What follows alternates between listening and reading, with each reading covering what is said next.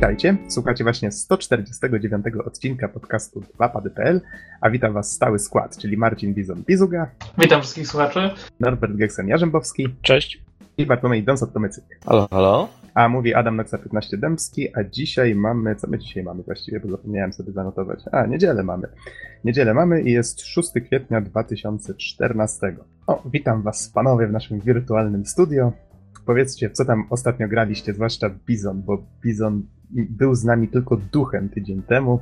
Bo Niestety, co porabiasz? Nic, nic się nie zmieniło w tej kwestii. Grałem w taką całkiem nieźle przemyślaną grę, która nazywa się mm, HTML i CSS i, i trochę w Photoshopa też grałem. CSS to jakiś dodatek do Counter-Strike'a? Nie, to dodatek do HTML-a. Counter, Counter Strike Source. No właśnie. Więc e, tylko niestety takie ostatnio e, aplikacje zagościły u mnie. No cóż. Czyli rozumiem robota na całego, okej. No, chwilowo tak, terminy gonią. Mhm. A u ciebie Don? Norbert? Ja w Pokémon Link Battle. E, Mhm. to jest taka mini produkcja na 3DS-a i dzisiaj być może ją zrecenzuję. E, no i też troszkę w Saints Row Desert już tak w sumie w to grałem wcześniej, teraz z Donem sobie pograliśmy trochę na koopie, tak żeby sprawdzić jak to działa. Mhm. I myślę, że Saints Row the Third już poprzednio planowałeś, przynajmniej Tak. sugerowałeś recenzować, więc myślę, że te dwie recki dzisiaj będą. O ile czasu starczy, no to tak. Mhm. Spoko, myślę, że na pewno starczy. W każdym razie, ja ostatnio grałem w Wiedźmaka, drugą część oczywiście. I już mam za, zaczął. sobą, mam już za sobą 4 godziny, działa gra bardzo płynnie i bardzo dobrze. Kurczę, mam strasznie mieszane opinie. I Znaczy opinie czy strasznie- odczucia? Znaczy no od, odczucia. Odczucia mam strasznie mieszane, opinia jeszcze nie wyrobiona, mm, no ale zobaczymy. Chcę, chcę na razie zaczekać do końca, dlatego że no nie wiem, wydaje mi się, że chociaż mm, jest kilka rzeczy, na które narzekałem w jedynce, to jednak mimo wszystko e, przynajmniej na te 4 godziny wygląda na to, że lepiej się sprawdzają właśnie w poprzedniej części. No, zobaczymy. E, z tego, co mówiłeś, Nox, to przede mną jeszcze około 16 godzin, więc, e, więc jeszcze wszystko przede mną. Mhm. A i ja też nie pamiętam, czy ta gra trwa 20 godzin. Wydawało mi się, że dużo więcej. Chyba tak, ale wspominałeś, że ukończenie jakby głównej linii fabularnej mniej więcej tyle zajmuje. No ale podejrzewam, że może 30 kilka godzin to zajmie. Okej, jeżeli tak pamiętasz, to dobrze. Ja szczerze mówiąc, byłem prawie przekonany, że grałem w tę grę tak około 60, ale może to w jedynkę. No nie wiem, długie. Pamiętam, że te gry były dość długie. W każdym razie jestem ciekaw właśnie, co, jaka będzie twoja ostateczna opinia na temat dwójki, ale póki co pozytywnie? I pozytywnie, i negatywnie. Aha, okej, okej, to nie wiem, czy chcesz jakieś pierwsze wrażenia dzisiaj może, czy niekoniecznie? Znaczy, mogę tak tylko delikatnie zarysować, ale, ale nie, Mhm. nie chcę wchodzić w zbyt szczegóły, dlatego że w zasadzie na tym etapie jeszcze wszystko się może zmienić. To jest dopiero sam początek. Mhm, Okej, to jak chcesz, to teraz, myślę, przed, przed newsami. Mhm. Więc wiesz co, pierwsze co, to co mi się narzuciło, to e, no, gra została zrobiona z myślą o konsolach. W sensie razem z całym interfejsem i razem nawet e, z całym designem interfejsu.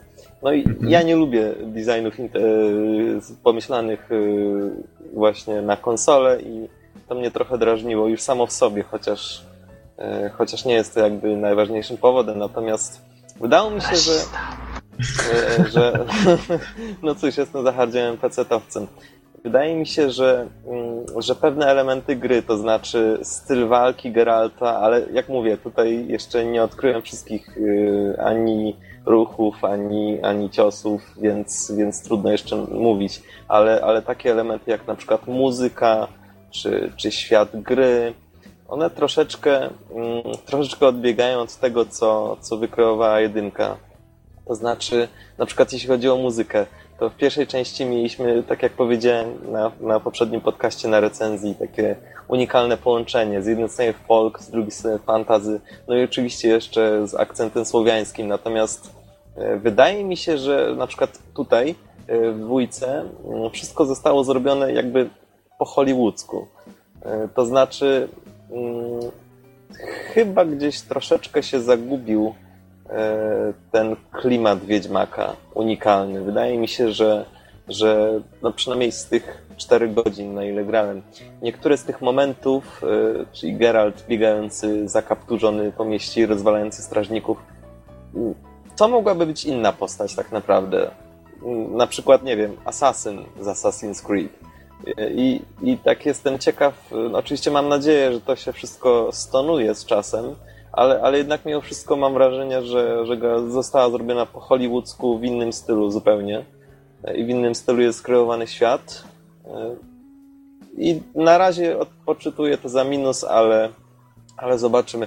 Na przykład, no a właśnie a propos tego światu, świata. Mhm. E, w jedynce, w pierwszej części Mm, on był dosyć szary, nie było tam zbyt wiele kolorów. Jeśli mieliśmy las, no to to był przeważnie zwyczajny las, jeśli bagno, to bagno, po prostu. Jeśli miasto, to, to zwykłe miasto. No i, no i faktycznie to jakby zgadzało się z wizją książki, dlatego że Sapkowski swój świat mm, starał się jakby no, upodobnić do naszego rzeczywistego, jakby jak najbardziej go urealnić. E, bo po prostu to był świat fantazy oczywiście, ale taki real fantazy, jak to poprzednio określałem. Natomiast e, z tego, co z tego, co widziałem w dwójce, to mamy albo najpierw albo strasznie epickie zamki, co z jednej strony jest fajne. W porządku, mogą być od czasu do czasu epickie zamki, nawet w rzeczywistym świecie, ale, ale z kolei y, potem mamy przesadną mgłę w lesie, potem jakiś przesadnie epicki las y, i tak i, I wszystko to oddane niemalże momentami w takich strasznie żywych, sytych kolorach. Obawiam się trochę, że, że gra przeszła tak, trochę taki w komiksowy styl. E, zresztą niektóre przerywniki filmowe, animowane są właśnie zrobione dokładnie tak. E, no ale jak mówię, to jest dopiero sam początek, e, to są dopiero takie moje pierwsze wrażenia i, i mam nadzieję, że ostatecznie gra się wybroni. Nie będę marudził tak przy samej recenzji, no ale takie są moje wrażenia. Nie wiem, jak ty mógłbyś to Noxu skomentować, bo, bo grę skończyłeś i z tego co wiem, bardzo lubisz.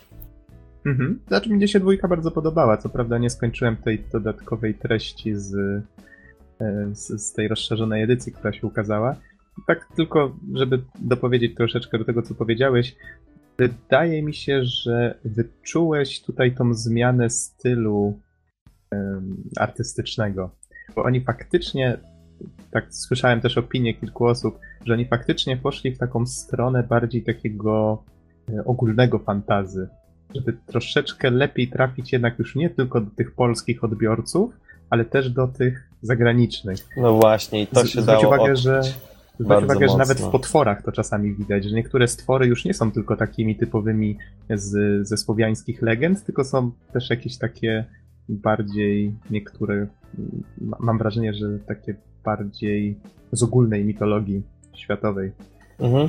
Czy wiesz, to, to jest oczywiście słuszna uwaga, ja to odczułem, że po prostu e, twórcy po zdobyciu sukcesu e, przez pierwszą grę zdecydowali się po prostu od samego początku robić grę dla świata, dosłownie. Robić grę, która zyska powodzenie na skalę światową i, i to widać, że no, jest zupełna zmiana stylu, trochę, no dużo Hollywoodu jest i w muzyce, i, i, i w gameplayu też. Yy, I, I strasznie dużo w kreacji świata, w lokacjach, w projektach lokacji. Yy, no i też troszeczkę na przykład drażni mnie, to już taka trochę mniej ważna rzecz, ale drażni mnie też styl menu, które są takie, takie strasznie nowoczesne z jednej strony niby, niby mamy tutaj do czynienia właśnie z tym, z tym ekranem jakby Geralta, pulsującą krwią i tak dalej, ale jednak mimo wszystko te wszystkie jakieś okienka, tabeleczki, one pasują dosłownie jakby, jakbyśmy mieli nie czytać jakieś y, stare ogłoszenie na średniowiecznej tablicy ogłoszeń, tylko jakiś komunikat w jakimś tablecie, więc więc to zupełnie, zupełnie odchodzi od, od idei Wiedźmaka, którą znam z pierwszej części. No ale zobaczymy, jak to, jak to będzie się czuło po tych powiedzmy 30-40 godzinach. No, jak mówię, na razie jest to dopiero jedna dziesiąta. Mhm, okay, Więc myślę, na, razie, że... na razie to tyle. E, zobaczymy dalej. Mam nadzieję, że, e, że nie będę tyle marudził przy, przy właściwej recenzji. E, bo jak zauważyliście, trudno mi dogodzić, ale, ale myślę, że, że są to w jakiś sposób słuszne uwagi. Mhm. Okej, to myślę, że na tym faktycznie możemy już poprzestać. Przejdziemy najpierw do takiej odrobiny newsów. Właściwie dzisiaj większość newsów to nie będą newsy, to będą bardziej takie prima aprilisowe żarty, które żeśmy wyłapali. Każdy z nas tutaj zwrócił uwagę na jakieś różne śmiesznostki, które się pojawiły. No, biorąc pod uwagę, że już od jakiegoś czasu jest taka moda na to, że fi- firmy właściwie prześcigają się w tym, żeby wymyślić fajniejszy żart, prawda? Bo już mało kto daje się na to złapać tak naprawdę.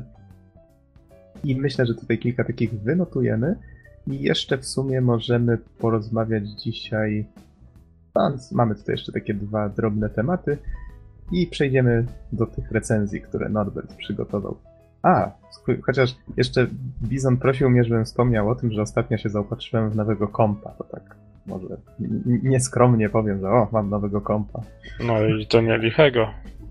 No, powiem wam, że tak, w sumie już jestem przygotowany na obecną generację gier, tak mi się wydaje przynajmniej. I już mam te swoje 8 giga RAMu, tutaj Bizon od razu powiedział, że to mało. No nie, bo, bo wiesz, nastawiałem się, że zmieniasz tego kompa dla tego Unreala całego. E, Aha. Więc stwierdziłem, Znaczy tak, że bo ja- 8 giga RAMu to pewnie taki Unreal to też je, je na śniadanie, nie? Bo tak jak wspominałem, tak, kupiłem sobie tą licencję Unreala, więc byłem ciekaw właśnie, jak sobie poradzi z nim nowy komp, tylko wiecie, takim Ale, pierwszym... ale poczekaj, poczekaj, bo No. 8 giga RAMu to na pewno nie jest O, Bizon zaśpiewał nam To piosenkę. na pewno nie jest maks, jaki twój komputer jest w stanie łyknąć, nie? Więc chyba masz jeszcze możliwość rozbudowy tego RAMu. Myślę, że tak, bez problemu. Wiesz, tylko y, tu jakby chodzi o to, że starałem się zamknąć w pewnych granicach cenowych. No już tak sobie tutaj przyjąłem, że 3,5 tysiąca to, to jest taka wystarczająca suma jak, jak, na ten, jak na ten komputer. No i tak tutaj, co prawda, sam nie dobierałem części. Przyznam się szczerze, ja nie znam się na aż tak mocno na sprzęcie właściwie od jakiegoś czasu znajomych proszę, jeżeli nas słuchają, to pozdrawiam. Znajomych proszę o radę i oni właściwie tym razem dyskutując ze sobą dobrali właśnie taki sprzęt, czasem się pytając y, czegoś właśnie ode mnie. I, no i właśnie powstał taki sprzęt, który ma 8 GB RAMu, ma 4-rdzeniowy procesor, 3,4 GHz każdy rdzeń. Mam kartę GeForce GTX 770, Yy, I właściwie to, to takie najważniejsze rzeczy, co nie? No, komputer wygląda dość kosmicznie i działa cudownie. Powiem wam, że jako chrzest bojowy zaserwowałem mu właśnie tą jedyną grę, której nie byłem w stanie odpalić, czyli Crazysa trójkę. I w końcu miałem okazję też zagrać w jakąś grę na tym swoim monitorze nowym, w stereoskopowym 3D. I powiem wam, że komputer łyknął tego Crysisa trójkę na maksymalnych detalach i z tą stereoskopią jeszcze włączoną na tej zasadzie, że on sobie y, po, po jednej stronie, właściwie podzielił sobie ekran na pół. Czyli to jest tak, że po jednej stronie, po drugiej widać to samo i potem przełącza się ekran właśnie na ten tryb e, stereoskopii. I faktycznie to, to mnie trochę zmiotło, bo to wszystko działa tak diabelnie płynnie i wygląda tak zajebiście. Ciekawe, No wow, wow. jak długo znowu konsole będą doganiać tego typu sprzęt, bo co prawda może nie widziałem dość filmików, ale coś mi mówi, że gdzie gdzie jakby jest problem z tym, żeby w ogóle jakąś grę uruchomić Full HD na konsoli, a tutaj Mhm. Full HD w 3D, czyli pewnie 120 klatek na sekundę, ty mówisz, że płynność cię po prostu zmiotła. E, Tak, No powiem to- ci, że dawno nie widziałem gry, która wygląda tak ładnie i działa tak płynnie, to, to aż mnie zaskoczyło. Ale to może dlatego, że jestem przyzwyczajony, wiesz, tam ostatnio gram sobie na przykład w Dark Souls 2 na PS3, co nie? To nie jest gra, która działa płynnie nawet na tej konsoli, więc e, no. Właśnie. Jeszcze kiedyś był argument, że konsole się szybciej uruchamiają, a obecnie ja sobie niedawno zmieniłem dysk na SSD. No i przyzwyczajony do takiego rytuału uruchamiania komputera, że wiecie, że dobra, zaczyna się uruchamiać komputer, to jeszcze sobie, nie wiem, pójdę, coś zrobię i wrócę za minutę, bo wtedy będzie już pokazany system Windowsa. No to teraz to jest kwestia, Trzech sekund. no akurat ja mam pełen przegląd BIOSu, no to powiedzmy, że łącznie jest 10. No w każdym razie jest to chwilka komputer jest sekundy. w pełni załadowany, więc to też po prostu zmiata z powierzchni ziemi No i kolejna rzecz, którą konsole muszą doganiać tak naprawdę. Mhm. Mam Ja wrażenie, w że końcu dałem się znajomym przekonać, żeby zainstalować Windowsa 8. Też ze względu na to, że zaserwowałem sobie dysk SSD.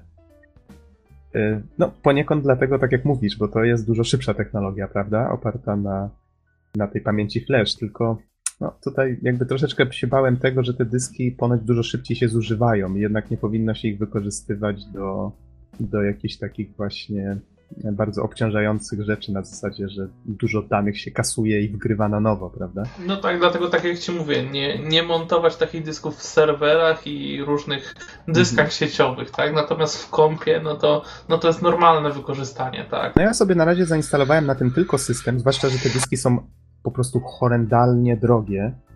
Ja zaserwowałem sobie 128 Znaczy, to giga, wiesz, to, to już jakie chcesz wielkości, nie? Bo te takie bardzo małe Aha. to są, to są dość tanie, nie?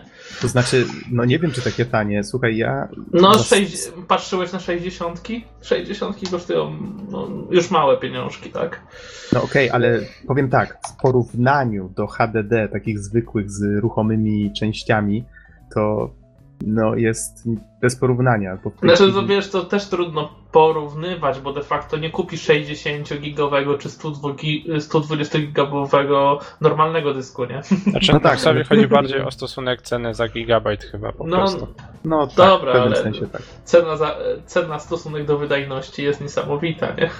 No, No tak. dobrze, tylko zależy na czym ci zależy. O Jezu, masło. Znaczy, szczerze mówiąc, zdziwiłbym się, jeżeli ktoś by kupował kompa i nie zależałoby mu na wydajności, no. Tak, ale z drugiej strony zwróć uwagę, że w tej chwili gry, na przykład Bioshock Infinite, którego musiałem znowu sobie ściągnąć ze względu na te dodatki, które ostatnio przechodziłem, 40 gigabajtów. Tada! Jedna gra. Więc jak miałem poprzednio Widzisz, dysk... dlatego się dziwię, że nie masz drugiego dysku twardego, normalnej terówki jakiejś, czy tam dwuterówki wsadzonej do, do środka tego mm, kompa, bo... Do środka nie mam. Mam podłączony No właśnie, zewnętrzny dysk USB, który ma 1 To- terabajt. Bez Ale to, niego... to jest bardzo niestety Noxu kiepskie rozwiązanie, no bo ten, Dlaczego tak uważasz? no nie wiem, to jest chociaż USB 3.0, Tak, zgadza się. no ale nie wiem, No to chyba, i SATA tak, dalej chyba i tak transfer wewnętrzny by był dużo szybszy niż, niż, Mhm. Tak, niż przez ten kabel, więc dlatego to jest kiepskie rozwiązanie.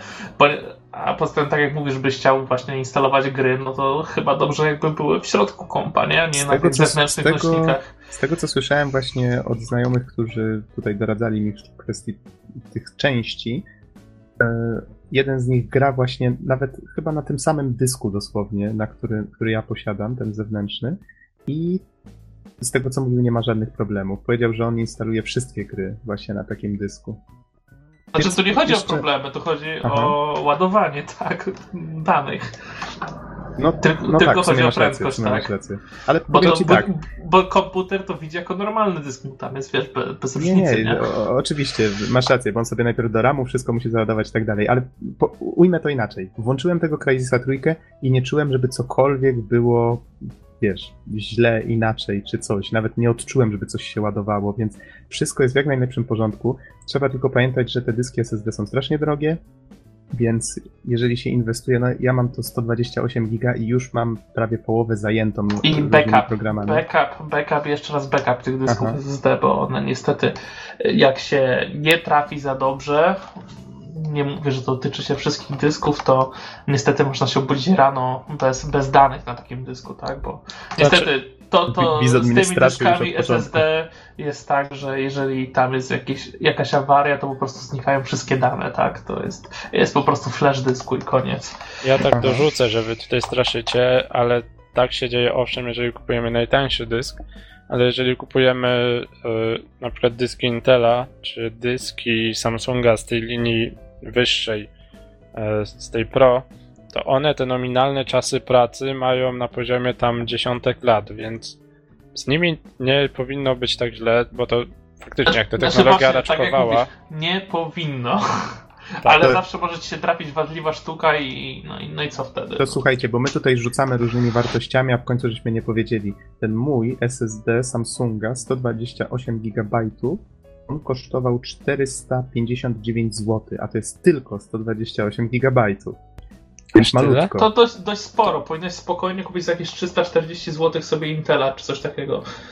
No wiesz, polecono mi Samsunga właśnie ze względu na to, żebym nie obudził się któregoś razu w bizonie No nie. bez danych. Intele są Nie wiem. lepsze. Szczególnie, Nie że wiem. masz najniższy model z tego co widzę, w sensie tam najniższą serię. A Mhm. nie, Pro, przepraszam, ty masz tak samo Pro, czyli tą... A, źle spojrzałem. Noxu ma tak samo Pro, czyli tą właśnie z bardzo wysokim czasem pracy, więc o ten dysk bym się tak nie okej, martwił. okej. Ja mam jeszcze OCZ u siebie. E, tylko takie, to jest rzadkość, bo mam 3,5 calowe te OCZ, -y, SSD-ki. Niektórzy mówią, że takich nie produkują, ale, ale, Wiecie- ale, ale, ale to, to nieprawda. Są też takie dyski, bo ja e, po prostu nie mógłbym innych do mojego Maca Pro niż 3,5 calowych włożyć, bo tam są takie odpowiednie zaczepy na dyski, takie szuflady i zwyczajnie w jakiejkolwiek tam dodatkowej przejściówce czy czymś by mi taki dysk nie pasował w środku nie? komputera, więc mam 3,5 calowe zesteki i one, one działają póki co świetnie. Szkoda, że, wam- szkoda, że samej firmy już OTZ Aha. nie ma. Powiem wam, że te dyski SSD są takie malutkie. Ja otworzyłem tą obudowę, patrzę, cholera, gdzie jest dysk, nie? Tak patrzę po tych wszystkich przegródkach, a nie, to ta podstawka, No bo tak, no to bo jest tak- dysk. Tak jak mówię, głównie są 2,5 calowe, nie?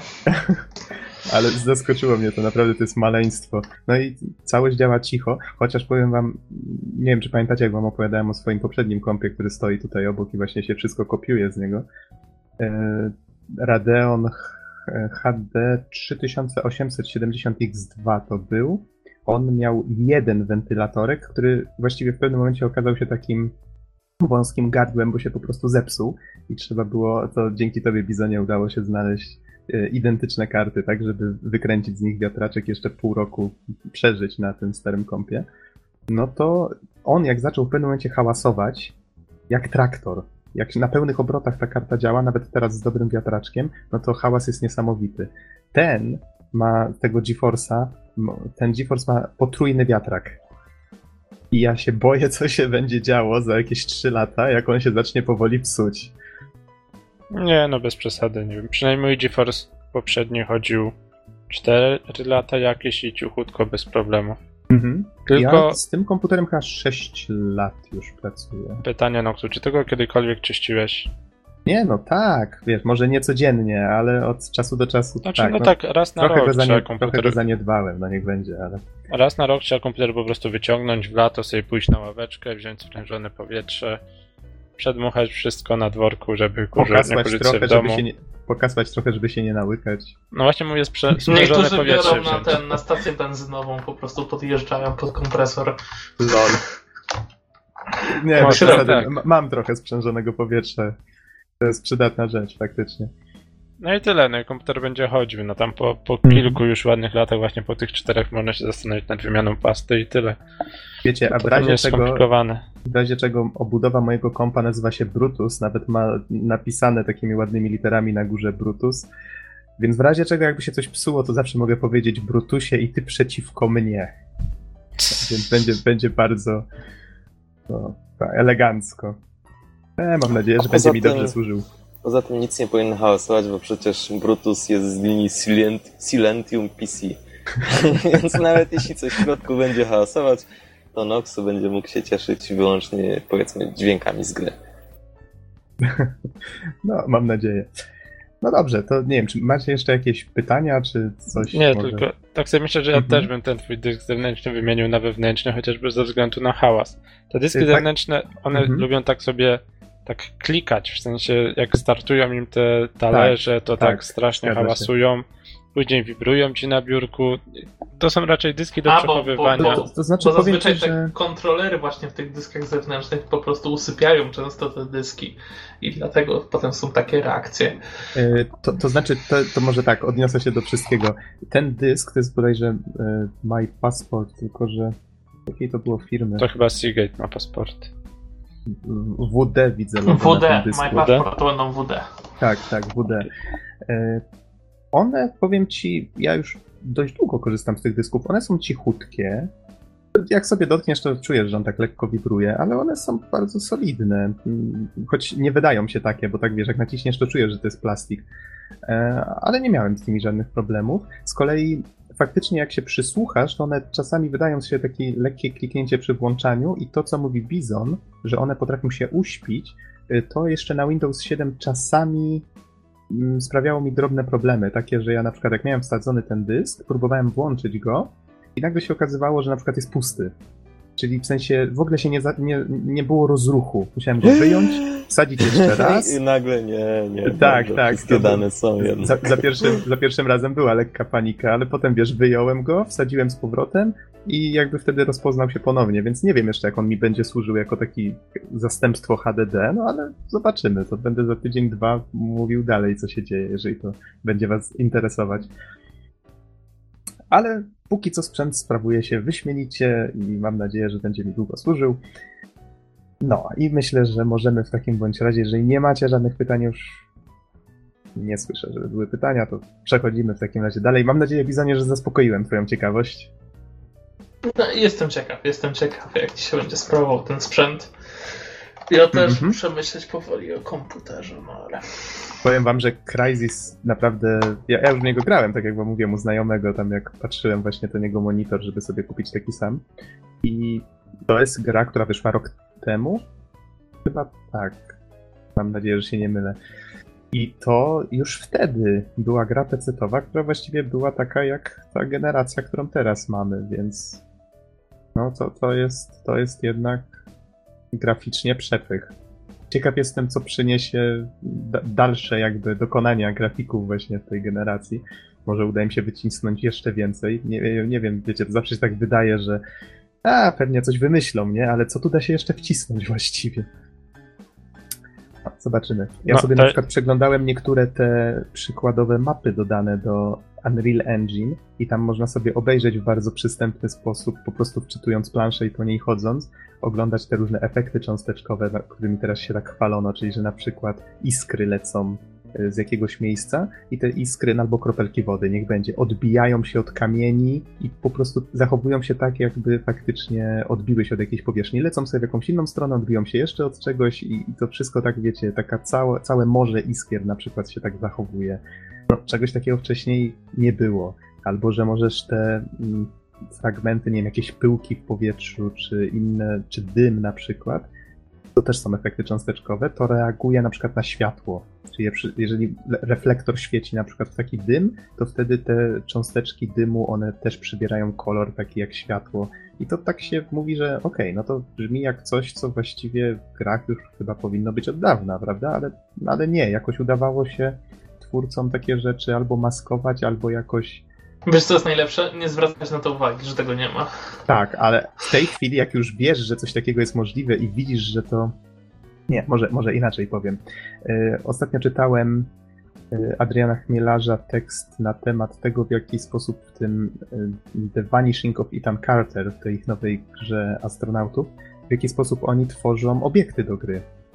Nie, nie mogę sobie przypomnieć, jak się nazywała ta technika, ale polega to na tym, że oni fotografują każdy obiekt, czyli na przykład kamień, niech będzie, Następnie za pomocą specjalnego programu sklejają te wszystkie zdjęcia w całość. On sobie bierze te zdjęcia i na ich podstawie on rozpoznaje, ok, to zdjęcie z tym się trochę łączy, czyli prawdopodobnie to jest tu, to tu, potem wiecie, bierze pod uwagę kąt, pod jakim były robione te zdjęcia i generuje sobie tą skałę programie. Tylko, że on wtedy bierze te zdjęcia, żeby wygenerować jednocześnie teksturę, która, no, jak wiadomo, jest tak jakościowo mm, dopracowana, jak tylko natura chciała, więc wiecie, są tam wszystkie detale w rodzaju mech, jakieś drobne listowie, czy tam zadrapania na tym głazie, korozja. sama faktura, tak, bez wszystko powtarzalności. dosłownie wszystko. I słuchajcie, oni chyba, nie wiem czy większość, no na pewno sporą część obiektów w tej grze robią właśnie w ten sposób. I właśnie ten tekst na blogu astronautów polecam. Warto sobie przeczytać i obejrzeć materiały, które są tam dodane. Można te obiekty nawet obejrzeć w 3D w przeglądarce. To, to robi niesamowite wrażenie, naprawdę, więc teraz twórcy są w stanie takie detale wyciągnąć z tych gier, że no, jestem strasznie ciekaw, co, co przyniesie przyszłość, jeżeli chodzi o ten graficzny przepych. Bardzo, bardzo fajne rzeczy można w tej chwili robić. No tylko wiadomo, to wszystko wymaga oczywiście innego podejścia, innej organizacji pracy, prawda? No bo tu, okej, mamy skałkę. więc trzeba jechać gdzieś do lasu, zrobić tą skałkę. A tu się nagle okazuje, że nie da się zrobić takich zdjęć, jeżeli na przykład y, coś się rusza w tle. Nic się nie może ruszać w tle, bo się nic nie może przemieszczać na tych powiedzmy 50 czy 150 zdjęć tej jednej skałki. Więc jeżeli tylko źdźbła trawy się ruszają, to automatycznie zrobienie tego zdjęcia odpada. No, to rodzi kolejne problemy. A tam pokazali na przykład cały kościół zrobiony w ten sposób. Czy całą dolinę nawet. Tło do sceny. Znaczy, myślę, że nie oni pierwsi z czymś takim się spotykają, bo wiem, że zdjęcia przecież często też są składanką dziesiątek, tak, pomniejszych zdjęć, żeby uzyskać jakiś tam jeden ostateczny efekt. Więc pewnie są jakieś na to techniki obejścia, coś. Myślę, że to nie jest takie straszne. Mhm. Czy chociażby, może kojarzycie, to, to akurat jest dość znane, bo niedawno weszły do telefonów HDR. Tam też jest wykonywana seria zdjęć, jest to tak od razu sklejane.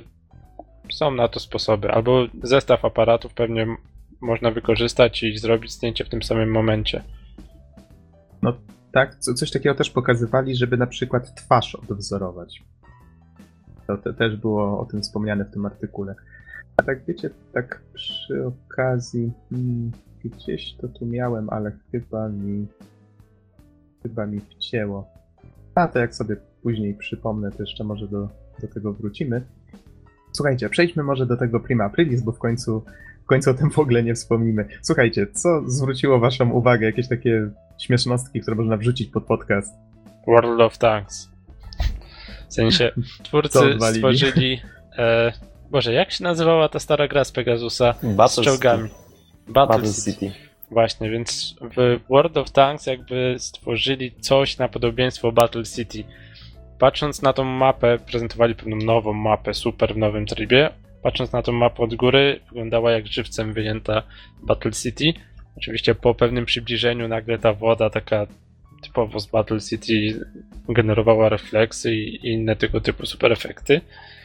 No i poza tym dodali też nowy, jeden super rodzaj czołgu, który tak samo wyglądał jak, wiecie, wykonany z kilku pikseli dosłownie model 3D.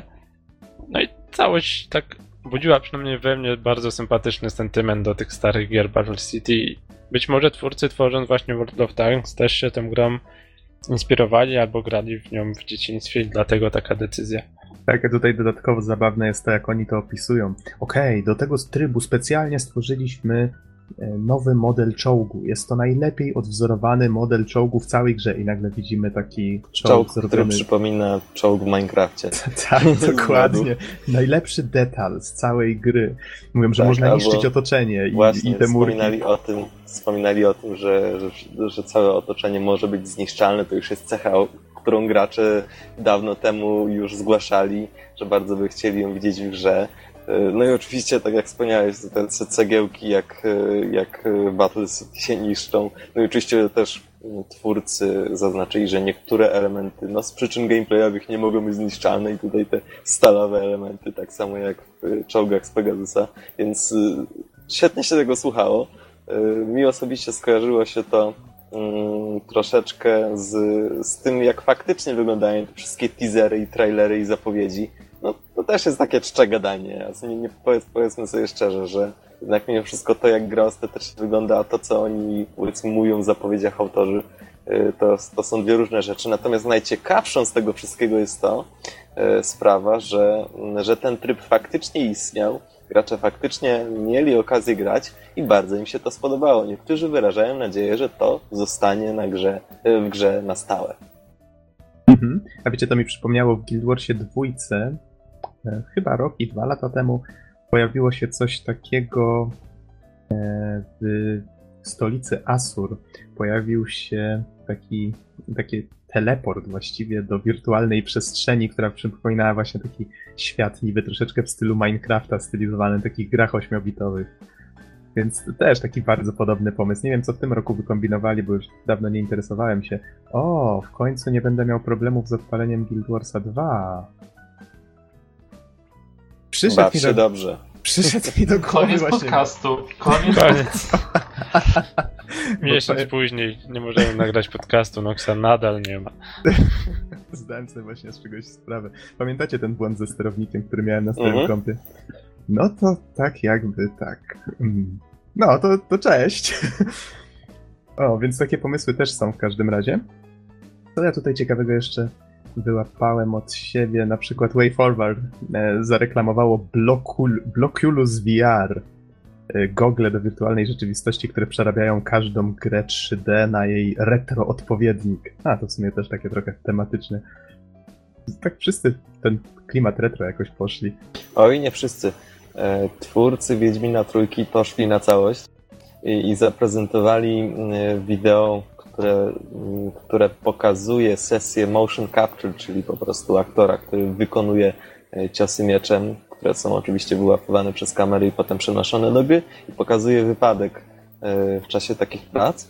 E, To znaczy mm, podczas wykonywania combo walki mieczem i znaku igni, no znak igni, czyli e, płomienie przypadkowo wypalają. I mniej więcej na tym, na tym momencie, kiedy, kiedy reszta obsługi biegnie z gaśnicami, e, film się kończy, a naprawdę w świetnym stylu, stylu został utrzymany i do samego końca trzymał w napięciu, co się stanie. Znaczy, Ja, ja zaraz myślałem, że komuś miecz wpakuje prosto w klatę. właśnie o to chodzi, że cały film się nazywał e, jakby niewiele zdradza. Mocap, mocap Session Gone Wrong. Dokładnie. E, nie wygląda właśnie to jak, wiecie, inne to takie typowe trailery, tak, tak poważnie. A tutaj widzimy jakieś nagrania z takich kamer przemysłowych. Nie, nie to, że to jest super jakość, ewentualnie z jakichś takich kamerek w ręku trzymanych. I w pewnym momencie faktycznie też to jest tak pokazane, jakby było uchwycone przez przypadek, niecelowo, jak te płomienie wybuchają. No i wygląda to właśnie fajnie pod tym względem, że no jest niespodzianka. Mhm. A słuchajcie, nie wiem, czy w takim razie powinniśmy opisywać tak dokładnie te filmiki? No, może nie do końca. Po prostu wspomnijmy jeszcze o kilku, e, nie tak dokładnie, ale, ale myślę, że jakieś tam drobne swoje uwagi możemy zawrzeć. Widzę, Don, że jeszcze ci się spodobała strona informująca o tym, że Facebook wykupił Steama. Nie wykupił. Całe bardzo szczęście. dobrze. Ale, ale została bardzo wiarygodnie zrobiona. Zresztą. Czy e, ta strona jeszcze istnieje? Tak, tak, ona cały czas jest. W każdym razie na Steamie zawsze jest, e, zawsze jest takie okienko z nowościami.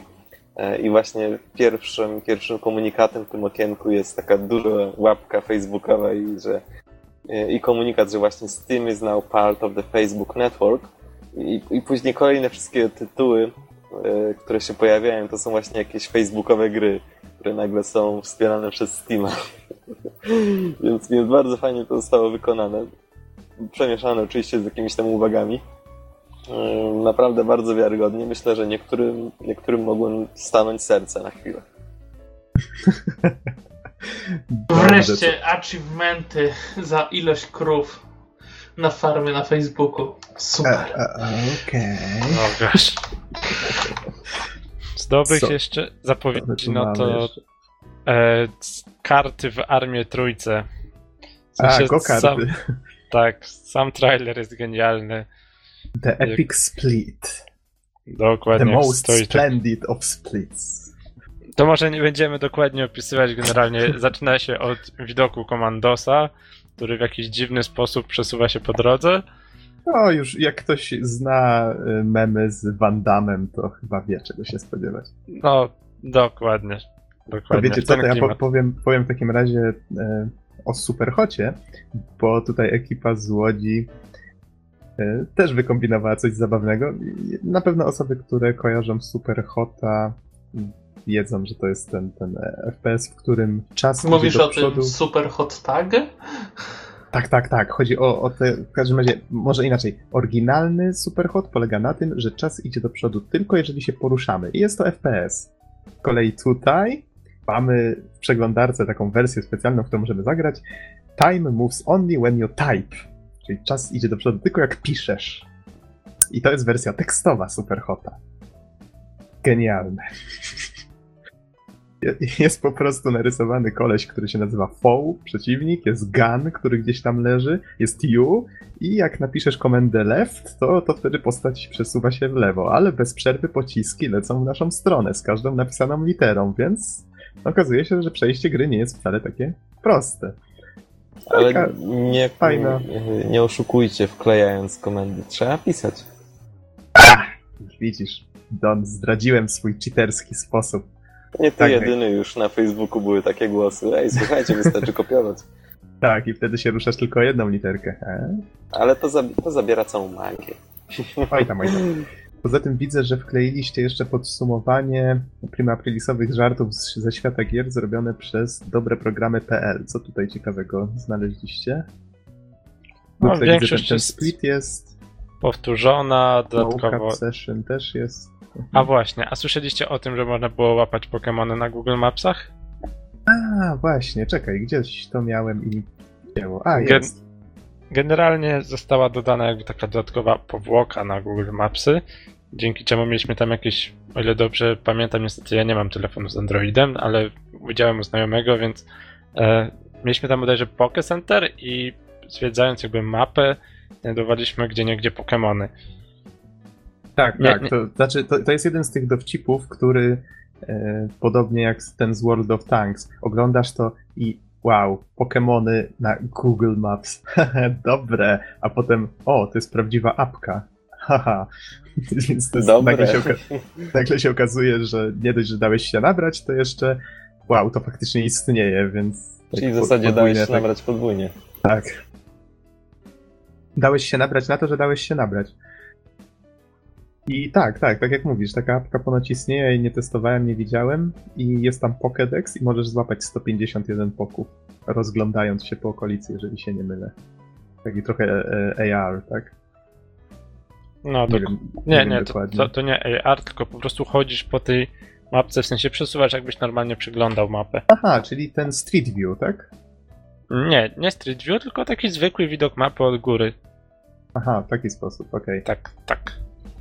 Nie wiem, czy Tak. dalej można to dostać, czy nie. To chyba do 2 kwietnia tylko było.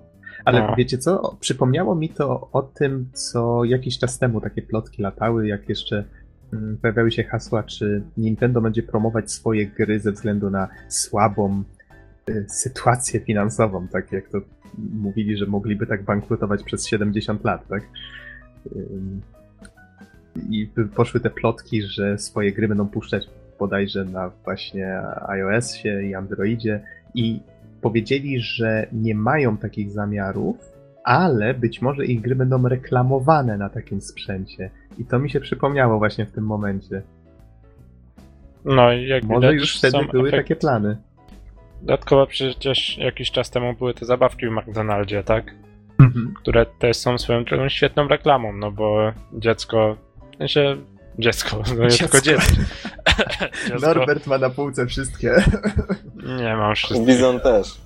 Nie mam właśnie wszystkich i przeżywam. No nic, może gdzieś na Allegro można kupić.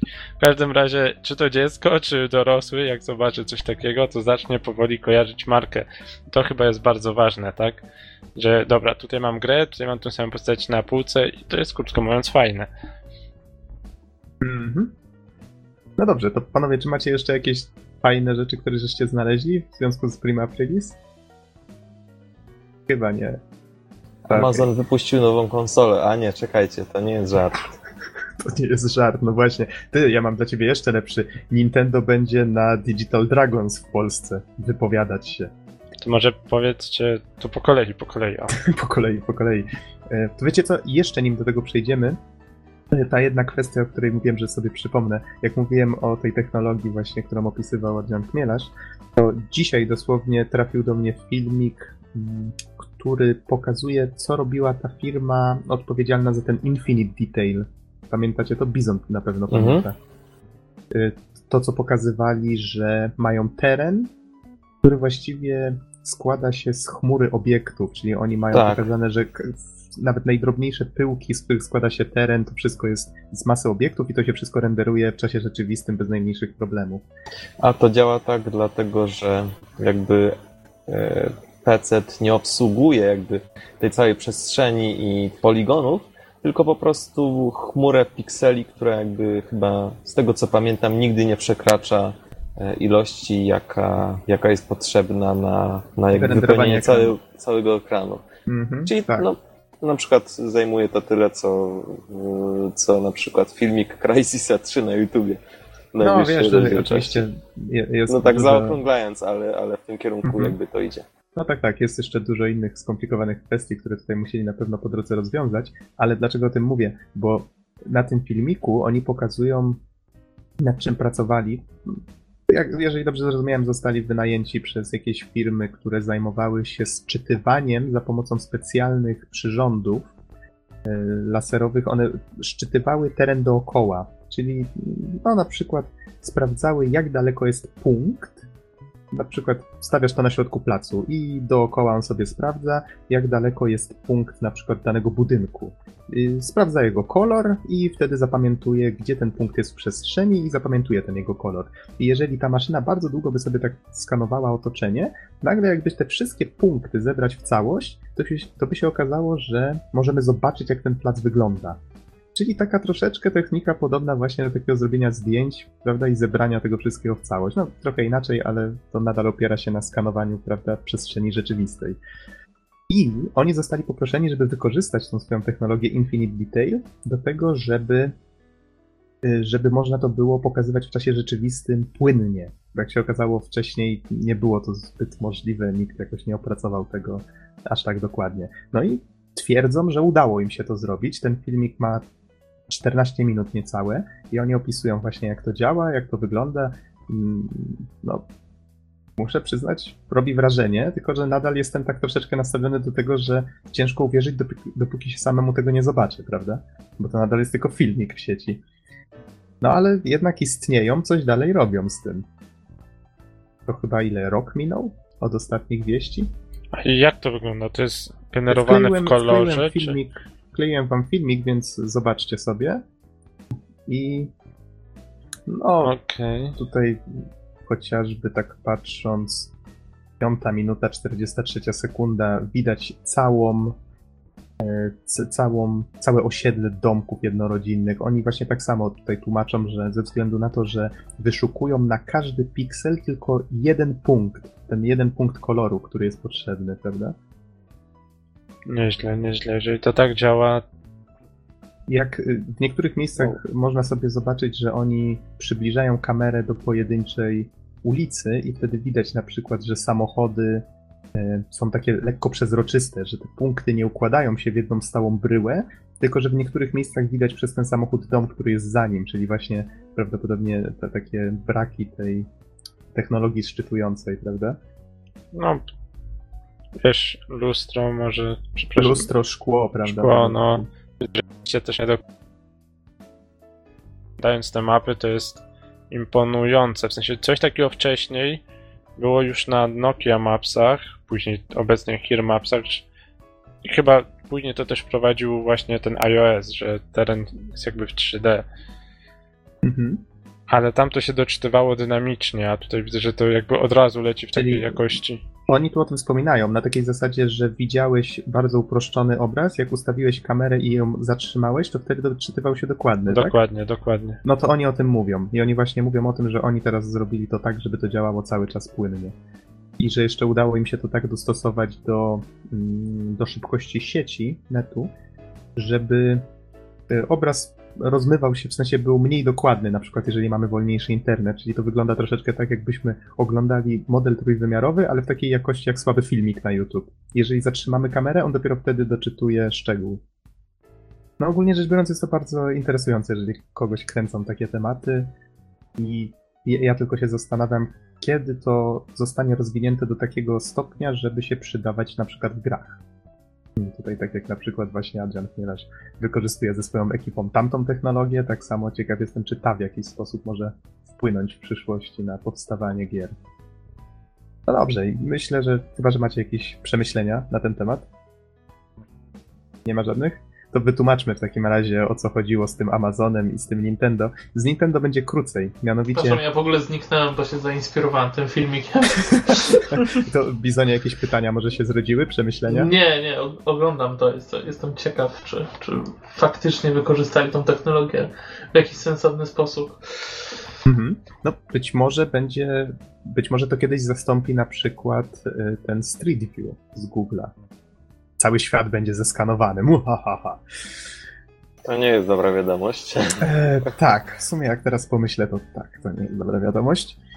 Okej, to Bizonie, jeżeli zrodzi się jakieś pytanie, to mów, a ja tymczasem powiem tylko o co chodzi z tym Przechodzicie Nintendo. do ciekawostki Słucham. tego tygodnia, jeżeli dobrze rozumiem, tak? Do tego Amazon Fire TV. E, tak, tylko jeszcze chciałem wspomnieć o Nintendo. A, to jest taki okej. z- zaległy, zaległy news, bo tydzień temu nam się gdzieś zapodział.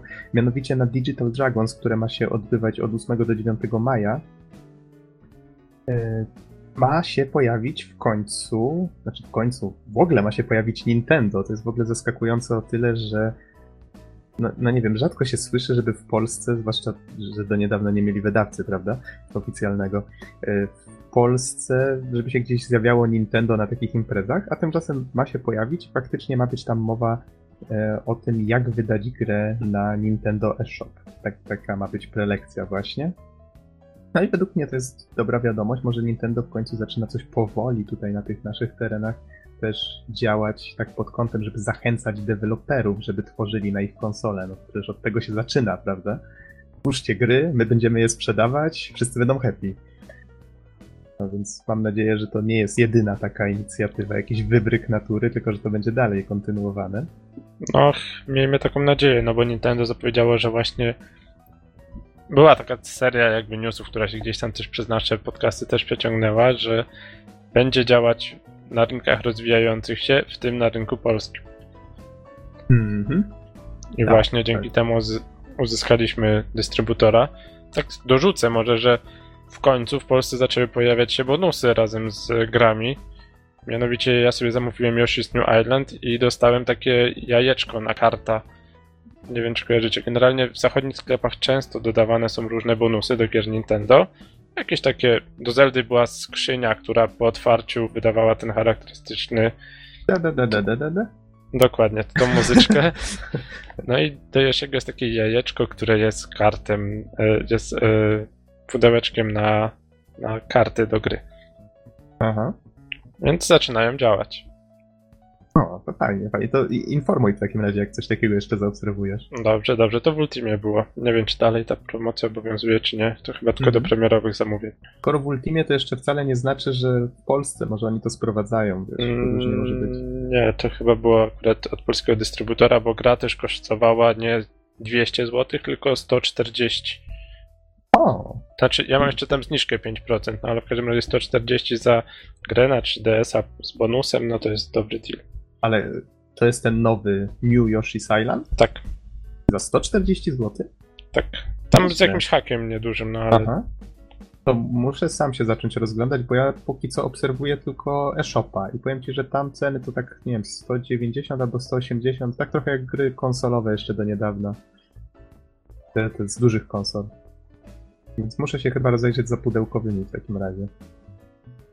Okej, to przejdźmy w końcu do tego Amazona. To może Don, powiedz, o co chodzi z Amazonem. O co chodzi? O to chodzi, że zostałem zaskoczony faktem, że Amazon, czyli dosyć słynny już e, w zasadzie taka platforma do kupowania przeróżnych rzeczy, no, analogiczna do Allegro, ale po prostu znacznie większa. To była jedna z firm, która w zasadzie pioniersko zaczynała działalność w internecie, więc, więc działa na skalę światową. Natomiast postanowili wypuścić własną konsolę, e, która e, właśnie się nazywa Amazon Fire TV. No nie, przepraszam. Tak naprawdę to nie jest konsola, tylko to jest po prostu taki dodatek do TV. Tak naprawdę to ma być konkurencja dla Apple TV, a gry są tylko tutaj jakimś tam dodatkiem. No tak, właśnie. To jest e, istotna sprawa, dlatego że do, do tego tworu, mm, nazwijmy to roboczo, dołączony został także pilot. E, Gamepad także, aczkolwiek za dopłatą i, i całość ma obsługiwać telewizję, jak i też e, gry. No i oczywiście mm, Tutaj tak kolejnym tylko- plusem jest, że cały, cały zestaw jest bardzo, bardzo mały. Twórcy się chwalą, że W zasadzie na zdjęciu promocyjnym oprócz samej konsolki, pilota e, są też takie mm, no, dwa ziarnka popcornu e, upieczonego i, i chwalą się tym, że, że w zasadzie cała konsola nawet nie jest wyższa niż to, to właśnie jedno ziarnko popcornu. Mhm. Tutaj dodam jeszcze, że tak jak wspomniałeś, że jest za dopłatą. Samo urządzenie ma kosztować 100 dolarów, z kolei pad 40. No i tak jak wspomniałeś, jest to strasznie malutkie urządzonko. Jak tutaj widać, facet trzyma to na zdjęciu, to przypomina troszeczkę albo taki dysk przenośny, albo, albo duże pudełko papierosów, no nie wiem. Może takie dwa pudełka papierosów złączone ze sobą, no mniej więcej tej wielkości to jest. No i powiedzcie mi, to działa na Androidzie. Powiedzcie mi, jaki jest. y, Co sądzicie o takim pomyśle w ogóle takiego centrum multimedialnego, które gry ma jako taki dodatek? Bo oni sami przyznają, że to jest takie urządzenie dla osób, które nie mają konsol. Czy wiesz, się- powiem ci szczerze, że ten pomysł już był, tyle że w troszeczkę innych proporcjach. Xbox. Przecież e, na, na ich, e, na ich e, prezentacji gry były dopiero na drugiej w zasadzie. Dodane zostały powiedzmy zaocznie, natomiast na tej prelekcji na E3 bardziej skupiali się nad możliwościami Ale- oglądania telewizji i tak dalej. Chcieli ze swojej konsoli zrobić takie multimedialne centrum domowej rozrywki. E, I w zasadzie myślę, że, że jakby konsole stacjonarne będą iść w tym kierunku. Oczywiście Amazon wykorzystał ten pomysł, ale z innymi proporcjami, w sensie więcej tych innych możliwości, a mniej gier. Natomiast e, idea pozostaje ta sama. Myślę, że te wszystkie konsole stacjonarne, tak jak powiedziałem, będą iść w tym kierunku i po prostu e, jakby będą przejmować coraz więcej funkcji i obsługiwać jakby nie tylko jedno, powiedzmy, medium. To znaczy, Xbox to dla mnie takie trochę kiepskie porównanie, no bo jakby w przypadku Xboxa każdy wiedział, że gry będą. Jakby Microsoft chciał pokazać, że, e, że tam dodatkowo będzie telewizja jakby obsługiwana w fajny sposób. Mi bardziej się przypomina inne urządzenie, które niedawno było, mianowicie Ouya. Czy ktoś obecnie o Oui coś słyszy? Ale czy Ouya miała zajebisty pilot? No nie, ale tak, Ouya, małe pudełeczko na Androidzie, które ma być centrum domowej rozrywki. No w tej chwili to, To- tak się, słyszy się czasami, że, że ktoś tam coś robi na to Mowie, że no tak średnio, nie wiem jak to się trzyma, ale chyba tak słabo. No ja właśnie nic zupełnie o tej, o tej konsoli nie słyszałem, choć też jakby nie staram się jej śledzić, więc mi bliżej do tego typu urządzenia, tak? Android, małe pudełeczko, niby dla graczy, ale dla graczy casualowych, w sumie nie wiadomo do końca dla kogo. Myślę, że ten pomysł jakby e, od Amazona jest bardziej sprawdzony, no bo tam jeszcze dochodzi telewizja. Czyli okej, chcę sobie kupić dekoder, Znaczy, wiesz dlaczego jest bardziej pograją. sprawdzony? Bo to jest Amazon. To, to w ogóle już To też. Ro, robi sprawę samą w sobie w końcu. Jeżeli oni byli w stanie wprowadzić konkurencyjny dla iPada, e, a właściwie e, tablet, tak, ale tak właściwie e, bezkonkurencyjny na skalę światową czytnik e-booków, tak, w ciągu kilku miesięcy, no to tutaj też mają teraz wreszcie pole do popisu, tak. No wiesz, To wam powiem, że i, i tak mówimy o tym jako o takiej właściwie ciekawostce, ale czytałem, że Telltale Games już zapowiedziało, że ich gry, czyli m.in. The Walking Dead, czy właśnie te, te nowe zapowiedziane dopiero, one się pojawią albo już nawet The Walking Dead być może jest na tym sprzęcie, więc no, nawet jeżeli to będzie tylko taka casualowa zabawka, to przynajmniej casuale w końcu będą mogli zagrać w jakieś naprawdę dobre gry. Nie da No się tak, no bo to, to jest, widzisz, no tam jest na pewno taki sam procesor jak jakimś e, nowym iPadzie czy czymś, więc e, na iPadzie też jest The Walking Dead, tak? Więc Już ci nie, nie, wklejam- nie ma żadnego problemu. Już ci wklejam stronę, tutaj Wiecie jest... co? e, Mi się podoba ten pomysł Amazonu, znaczy oni zrobili to, co ja dawno temu już mówiłem na podcaście, że uważam, że powinno zrobić Apple ze swoim właśnie Apple TV. Tak, bo to jest też tego typu skrzyneczka podpinana do e, telewizora, która ma właśnie te wszystkie możliwości multimedialne przede wszystkim, jeżeli chodzi o tam odtwarzanie filmów, muzyki, wypożyczanie filmów, e, plus inne tam takie aplikacje sportowe i tak dalej. E, Oczywiście Netflixy i te wszystkie fajne cuda, które u nas nie działają. Natomiast nie wiedzieć dlaczego mm, nie skusili się na gry, a tak naprawdę w środku jest dokładnie taki sam procesor jak w którymś iPhone'ie, tak? E, Tutaj a propos tego procesora, tak się wetnę trochę w słowo. E, Wkleiłem linka do tej strony, tu jest podane, że procesor to jest Qualcomm Crate 3, 300 i 4 rdzenie po 1,7 GHz.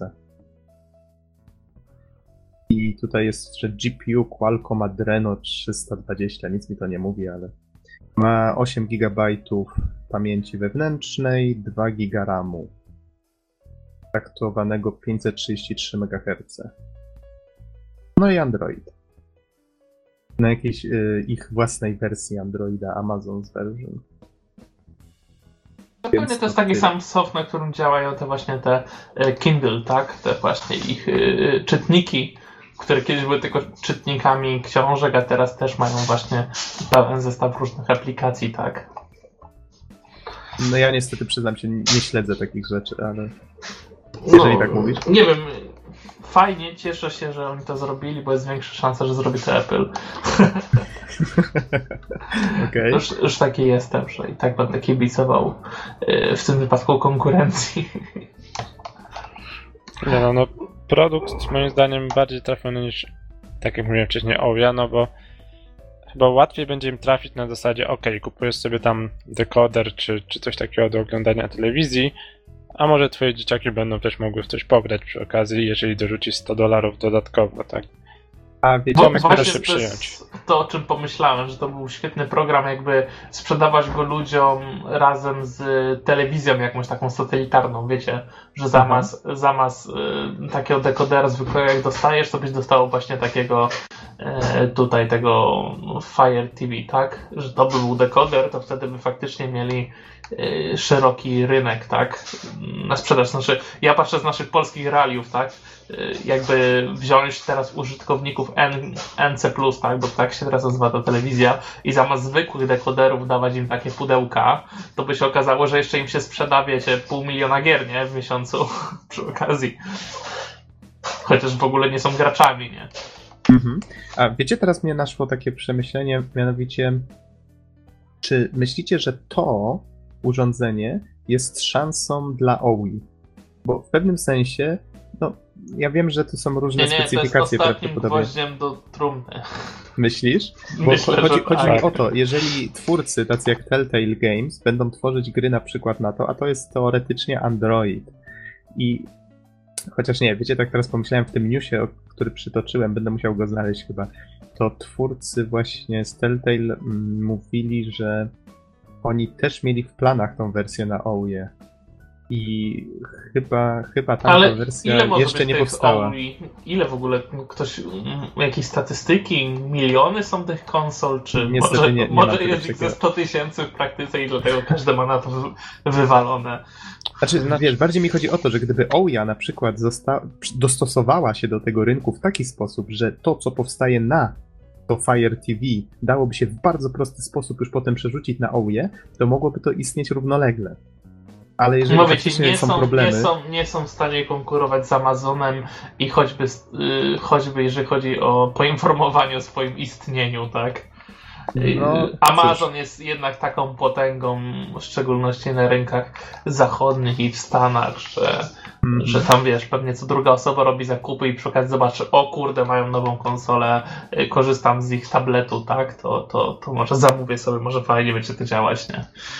Dodatkowo pytanie, czy Telltale tworzy, bo widzi tam pieniądze, czy te pieniądze mają zagwarantowane przez Amazon?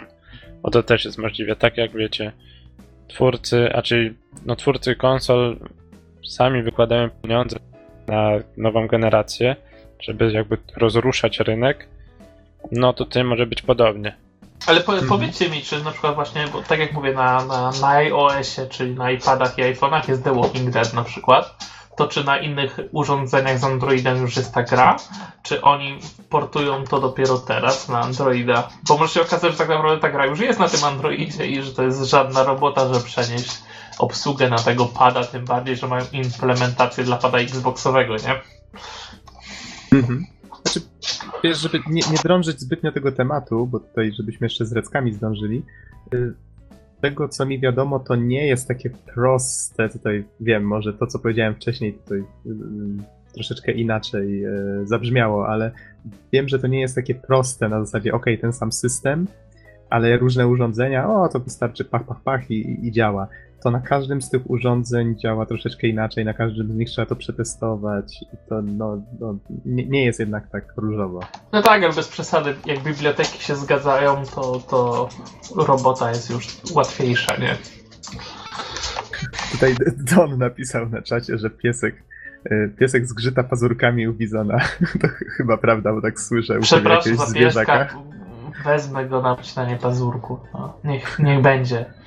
To- to- Tutaj mistrz drugiego planu dzisiaj się ujawnił, tak? No dobrze, panowie, czy macie jeszcze jakieś przemyślenia a propos tego Amazona, czy przechodzimy do recek?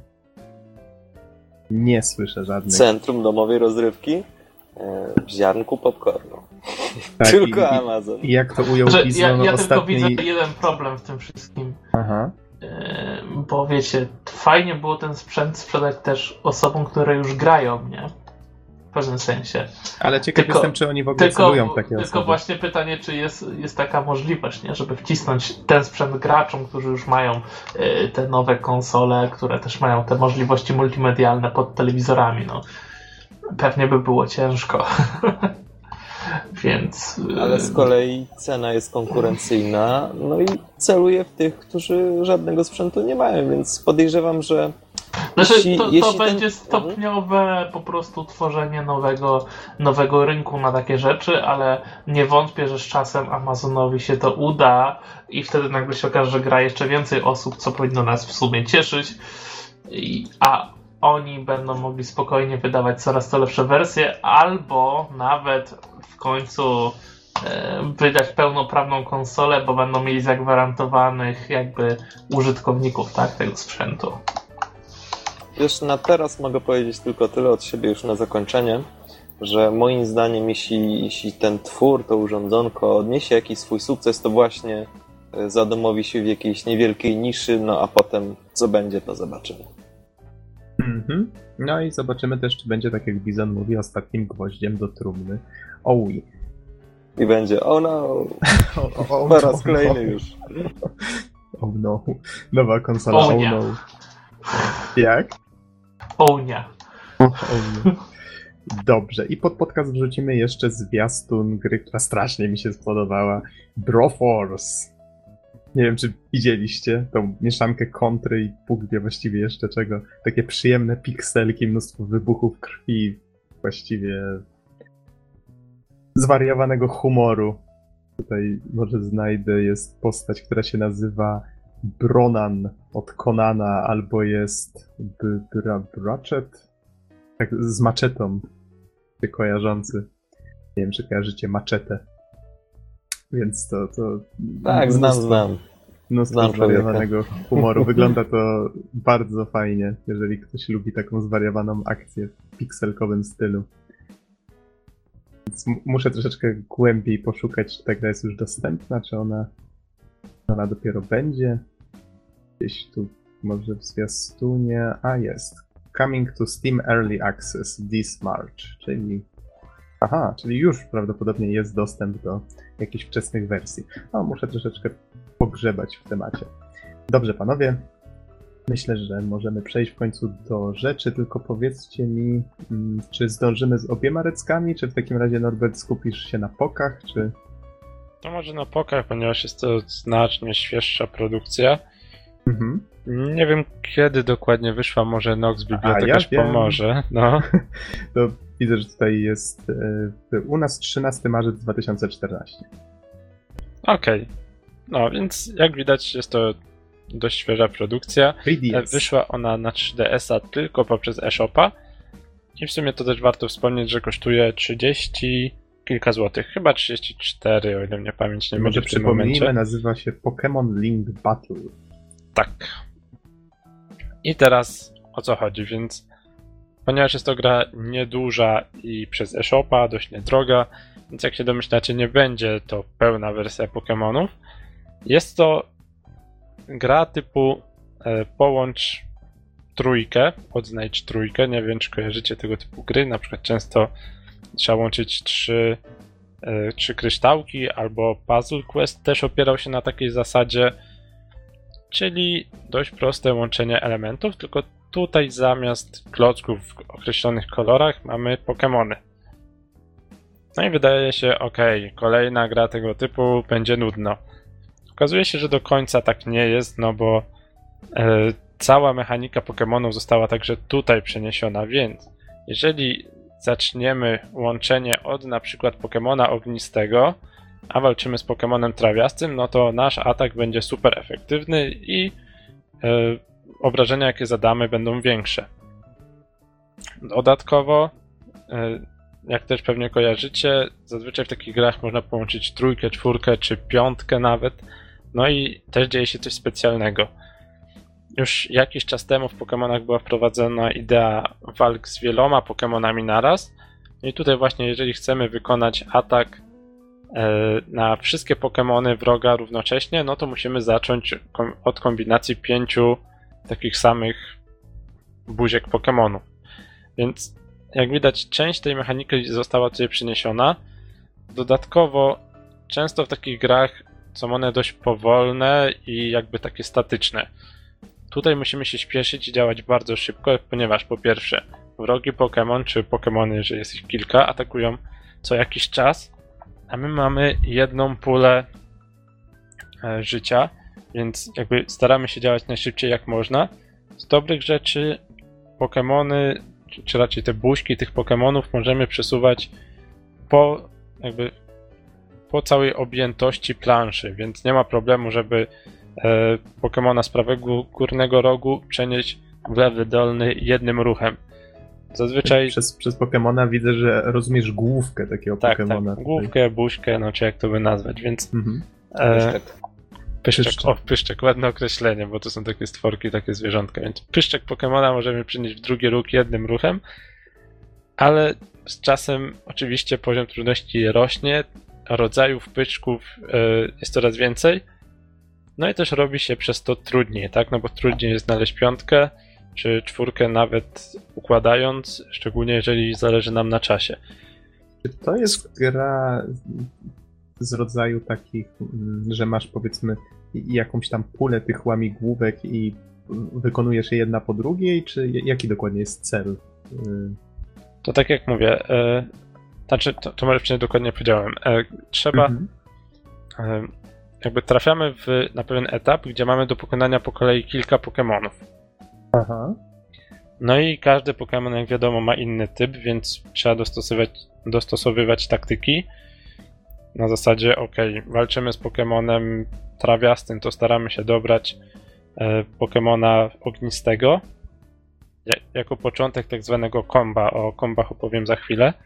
No i, no i jeżeli go pokonamy, przechodzimy tam do następnego pojedynczego lub kilku Pokémonów. Jeżeli tych Pokémonów jest właśnie kilka, walczymy z kilkoma naraz, no to wiadomo, że staramy się rozpocząć kombinację od pięciu takich samych buziek. Mhm. A jak skończymy już Pyszczek. taki etap, czyli tą serię walk, to co wtedy? To przechodzimy tak naprawdę do następnej. W sensie kończymy, gra jest zapisywana, no i możemy przejść dalej. I Dodatkowo gra, jesteśmy- rozumiem, składa się z iluś tam takich etapów. Tak, ale to co jest jeszcze istotne, tak jak mówiłem wcześniej, istotny jest czas, ponieważ wrogi Pokémon raz na jakiś czas atakuje, ale jest też coś takiego tutaj jak combo.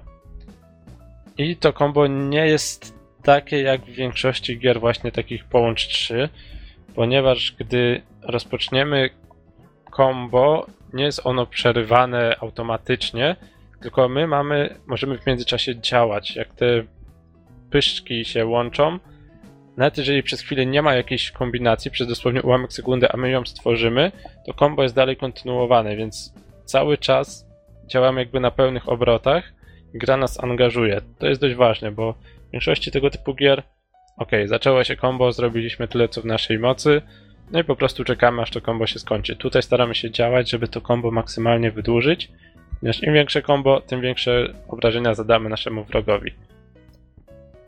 No Mhm. i istotne jest to, od czego jakby zaczynamy to combo, no bo to jest właśnie ten Pokémon, którym będziemy atakować. E, z innych jeszcze istotnych rzeczy, fajnie zostały pomyślane niektóre Pokémony, mianowicie e, te, które w serialu czy w grze miały takie swoje typowo jedno zadanie. Nie wiem, czy kojarzycie takiego Pokémona, on się nazywał Chansey? Nie, jakoś... Generalnie Masz to na myśli tą pielęgniarkę? Dokładnie, ten Pokémon pielęgniarka, która wyglądał jak takie różowe jajo w skrócie. E, Jeżeli rozpoczniemy kombinację od tego Pokemona, no to wtedy leczymy się. Czyli to jest jakby Pokemon leczący. Dodatkowo, jeżeli wyleci nam Ditto, no to wiadomo, Ditto może się zamienić w każdego, więc jest takim jakby mydłem. Czyli może się zamienić w każdego, w każdego innego Pokemona. Więc te. Ładne określenie. no jest to odkreślenie z domino, ale generalnie pozwala nam dopasować się z każdym innym. Dodatkowy, o- Okej, I see what you did there. no więc pewne takie mechaniki z Pokemonów, które naturalnie jakby nam przychodzą do głowy, są tutaj przeniesione i sprawdza się to bardzo fajnie. Dodatkowo czasem taki wrogi Pokémon potrafi nam wlecieć jakby w tą naszą planszę, zawężając nam możliwości ruchów. To już w takich bardziej ekstremalnych sytuacjach. E, No i trzeba na to odpowiednio szybko reagować. Więc to pokrótce mechanika. Mechanika kombosów jest jeszcze bardziej złożona, bo jeżeli wejdziemy na pewien poziom combo, wtedy e, możemy tworzyć kombosy składające się z tylko dwóch Pokémonów naraz, z dwóch pyczków obok siebie i mamy szansę wyczyścić zupełnie całą planszę i później rozpocząć od nowa. Zazwyczaj też w końcówce takiego czyszczenia wyleci nam gdzieś Ditto, żeby nam to ułatwić wszystko. Więc cały czas musimy działać na wysokich obrotach, rozgrywka jest dzięki temu dynamiczna. E, W późniejszych etapach to życie bardzo łatwo zaczynamy tracić i bardzo szybko, jeżeli nie będziemy odnajdywać odpowiednich kombosów. I gierka naprawdę wciąga, aż byłem zdziwiony, no bo w sumie, wiecie, wydawało się, że popierdółka, okej. Szczerze, nie byłem do końca przekonany kupując, ale mówię, spróbuję. Okazało się, że jest fajnie. Okej, wracając do, y, do może takich spraw wizualnych. Więc Pokémony, jak zapewne wiecie, no mają dość dobrych grafików. Dodatkowo te wszystkie stworki są kolorowe, ich pyszczki tutaj zostały bardzo fajnie oddane. Nie ma problemu z rozpoznaniem tych wszystkich Pokémonów. E, to jest w sumie bardzo miłe. Mm. Cała gra jest kolorowa. Przechodzimy jakby przez też różne światy, więc tła nam się zmieniają, co, co nie jest jakoś super istotne, biorąc pod uwagę, że cały czas jesteśmy wciągnięci, ale kolorowa, wesoła oprawa dobrze się sprawdza w takim typie gier, tak, które jakby ze swojej natury są delikatnie casualowe. Mm, co jeszcze? No, Jeżeli- wiesz, casualowe to jedno, ale one są przede wszystkim przeznaczone dla młodszych odbiorców, prawda? Więc to No, też jakby wynika jedno z drugiego. Choć szczerze, gra jest dość trudna, szczególnie wiesz, na tych późniejszych etapach, więc Mhm. nie wiem, jakby sobie młodsi odbiorcy z tym poradzili. No ale okej. O tym za, za chwilkę jeszcze. A powie, powiedz to tym dzieciakom, które cię wykańczają w Call of Duty w każdy weekend. A propos ten, a propos właśnie kolorowej, słodkiej grafiki Pokémonów, to przypomniał mi się, e, przypomniała mi się taka seria e, artów, która przedstawiała właśnie Pokémony, ale w takim mrocznym, realistycznym stylu. One zupełnie nie przypominały naszych ulubieńców. Ale, znaczy, nie przypominały pod kątem stylu, ale, ale były bardzo do nich podobne. No i wyglądały bardzo, na bardzo niebezpieczne, więc to byłoby dosyć ciekawe. Ale, ale wracając już do tej gry, to, to fakt wygląda to troszeczkę jak, no jak kreskówka. Czyli tak jak Pokémony powinny wyglądać. Ale tak jak Norbert wspomniał, ta gra na pierwszy rzut oka faktycznie przypomina taką po prostu popierdółkę, taka Mhm. gra logiczna, zręcznościowa, prawda? No tak, no i tak ją można streścić, ale trzeba przyznać, że potrafi wciągnąć, bo jest, jest w niej dynamika. Coś, czego zazwyczaj w tego typie gier się rzadko spotyka. Mhm. Okej, zastanawiam się, co jeszcze jest istotne. E, Gra, z tego co jeszcze przed chwilą aż sprawdziłem, nie wspiera w żaden sposób 3D. No jest to gra jakby ściągana z e-shopu i gramy głównie na dolnym ekraniku, więc Ej, no przecież. można się było tego spodziewać. Nie, Hmm? no, bez przesady. Jest, są gry, no chociażby od Way Forward, żeby daleko nie szukać, które faktycznie w bardzo fajny sposób to 3D wspierają. Na przykład Mighty Switch Force. No i nie wiem, aż mnie dziwi, że gra. Kolejna gra właściwie sygnowana tutaj Pokémonami, no jakby nie patrzeć marki, to jest marka należąca do Nintendo, która właściwie 3D nie wykorzystuje albo wykorzystuje słabo. No przecież XY to tutaj, no nie wiem, tutaj zdania są podzielone. Według mnie to jest porażka, że ta gra nie wykorzystuje 3D wszędzie, a jak je wykorzystuje, to gra się tnie. Ewidentnie się tnie. To trochę Przecież- źle, jak nawet w takiej dwuwymiarowej gierce nie, nie uwzględnili tego 3D. To znaczy, wiesz, no gierka jest nieduża, to warto wspomnieć. E, Po drugie, gramy głównie na dolnym ekraniku, gdzie mamy ekran dotykowy, więc. Mamy to tak, brak 3D w tej grze mnie nie boli. Okej. Znaczy, wiesz, w sumie jak tak teraz o tym mówi, że patrzę na screen, jak to wygląda, może faktycznie to 3D byłoby rozpraszające w tym przypadku. No mówię, mnie nie boli tutaj po prostu brak 3D. Nie wiem, czy by bardziej nie przeszkadzało, gdyby było, bo i tak Mhm. bym je pewnie wyłączał. Okej. E, Okej, A, a powiedz, ile, ile czasu zajęło ci przejście tych wszystkich misji? podstaw... Uf, nie sprawdzałem dokładnie licznika, ale kilka godzin, nie ma tego dużo. E, coś koło pewnie czterech, może troszkę więcej. E, Ale z, takich- da, się, da się z tym czekać na kilka różnych pociągów, tramwaju i, i innych takich. Tak, i jest jeszcze jedna istotna kwestia. Przejście to jedna rzecz. Zmaksowanie tego zajmie o wiele dłużej. To jeszcze nie do końca wyklimiłem. E, chodzi o to, że można tą grę. W sensie, są niektóre Pokémony. e, Na każdy etap ma swojego jednego Pokémona, czy nawet kilka, który pokaże się tylko w określonych warunkach.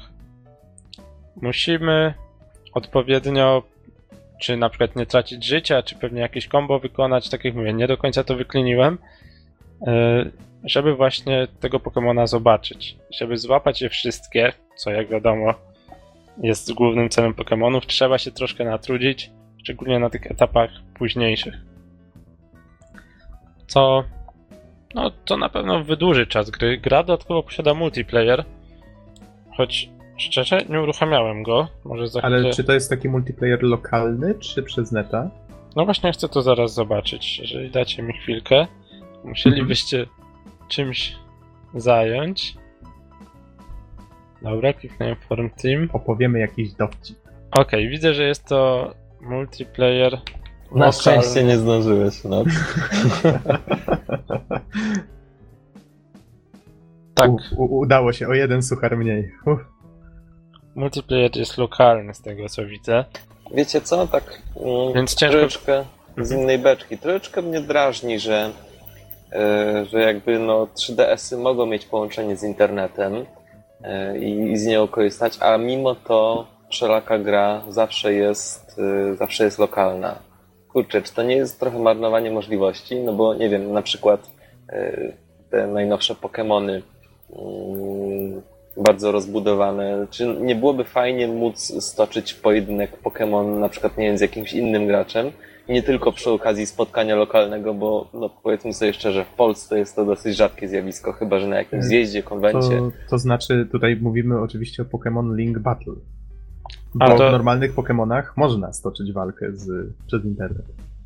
Tak, tak? Można? Tak, w Pokémon XY tak, jak najbardziej się da. Mhm. Tak, te, te XY w ogóle mają te funkcje bardzo zaawansowane. Na zasadzie możesz komuś wysłać jakiegoś bonus, jakiś bonus, że na przykład będzie zadawał większe obrażenia, czy ktoś tobie nagle z internetu może wysłać jakiś bonus. No, te funkcje tam są naprawdę, naprawdę rozbudowane. Kurczę, bo też- coś, z waszej, waszej recenzji nie, nie było za bardzo słychać o tym, więc To znaczy, bo to, moja to nie była recenzja, to były pierwsze wrażenia i Oj może, tam, oj tam. może to, to jest ważny element. może powinniśmy w końcu zrecenzować te poki. Powiem wam, że ja nadal ich nie skończyłem, choć mam już 50 godzin chyba nastukane. Od czasu do czasu do nich wracam. Już ostatnią odznakę zdobywam w tej chwili. Okej, więc jeszcze wracając do Pokémon Link Battle, z tego co tutaj czytam na stronie, to wszystkie 718 Pokémonów znajdują się w tej grze. I Te można. Wszystkie ile? 751? 718 jest ich obecnie. A nie 751? Okej, Najwyraźniej nieważne. Mo, może, tu, może ja się pomyliłem. No nie, tu- tutaj mam napisane, że wszystkie 700 to wszystkie serie, w tym X i Y, więc Aha, okej. fajnie, że. No, dla fanów jest to na pewno gratka. Złapanie ich wszystkich, tak jak mówiłem wcześniej, zajmie długo. No i to chyba tyle o tej grze, więc podsumowując, bardzo fajna oprawa graficzna, kolorowa, przyjemna, sprawdza się w tym typie gry. E, Sterowanie proste, no bo na touchscreenie sobie przesuwamy odpowiednio pyszczki Pokémonów, żeby je dopasowywać. Mm, Możemy szybko działać i nawet musimy szybko działać. Nie jest to sama gra taka logiczna, ale wymaga też zręczności. Trzeba szybko działać, szybko łączyć te piątki, trójki i tak dalej, dzięki czemu tworzymy kombosy i Pokémony, tak? Co też jest plusem, no bo ta mechanika, o której wcześniej mówiłem, czy atak na wszystkie e, równocześnie, czy to, że jakieś tam Pokémony nas leczą, czy Dito, który dopasowuje się ze wszystkimi, no Nie wiem czemu, ale fajne porównanie Dito do mydła jest o tyle zabawne, że on faktycznie przypomina jakąś taką galaretkę. No nie, no w każdym razie gra się przyjemnie, gra wciąga. No naprawdę nie jest to doznanie, wiecie, epickie i, i, i nie ma co tego porównywać, nie wiem, z Wiedźminem, ale jest to To ja bardzo wracam do przyjemna, Wiedźmaka, dzięki. ale jest to bardzo przyjemna gra, taka casualowa, do popykania właśnie na przystanku, czy jeżeli nie macie dużo czasu albo nie macie ochoty na, na coś ciężkiego, no to można śmiało polecić. Mhm. To ja w takim razie zadam Zadona pytanie, y, komu dokładnie ją polecisz? Wszystkim fanom Pokémonów i No fanom dobra, gier. odpadam. No właśnie, no, dlatego nie mówię, że, że wszystkim w ogóle. I myślę, że fanom gier logicznych, takim ci, którzy grali w Puzzle Questa i się w niego zagrywali, tutaj też jest bardzo, bardzo duża szansa, że im się spodoba, bo mechanika, jakby podstawy mechaniki do Pasuj 3 jest podobne, ale i jakby system obrażeń, tak, tam też się tworzyło odpowiednio, ale to, że tutaj są jakby trochę inne realia, inne zasady sprawią, że nie będzie to to samo, a będzie to miła wariacja na ten temat. Mhm. Okej. Czy w takim razie panowie macie jeszcze jakieś pytania do Pyxena? Myślę, że to chyba już wszystko. Okej, czy Bizon już śpi? Myślę, że tak. Bizon O. chyba gdzieś zniknął. O, jest! Mój Boże. Dobrze, w takim razie, skoro Bizon jest, to możemy przystąpić do pożegnania. Dziękujemy wszystkim bardzo za uwagę i do usłyszenia w następnym odcinku. Trzymajcie się. Cześć. Na razie. Na razie, trzymajcie się.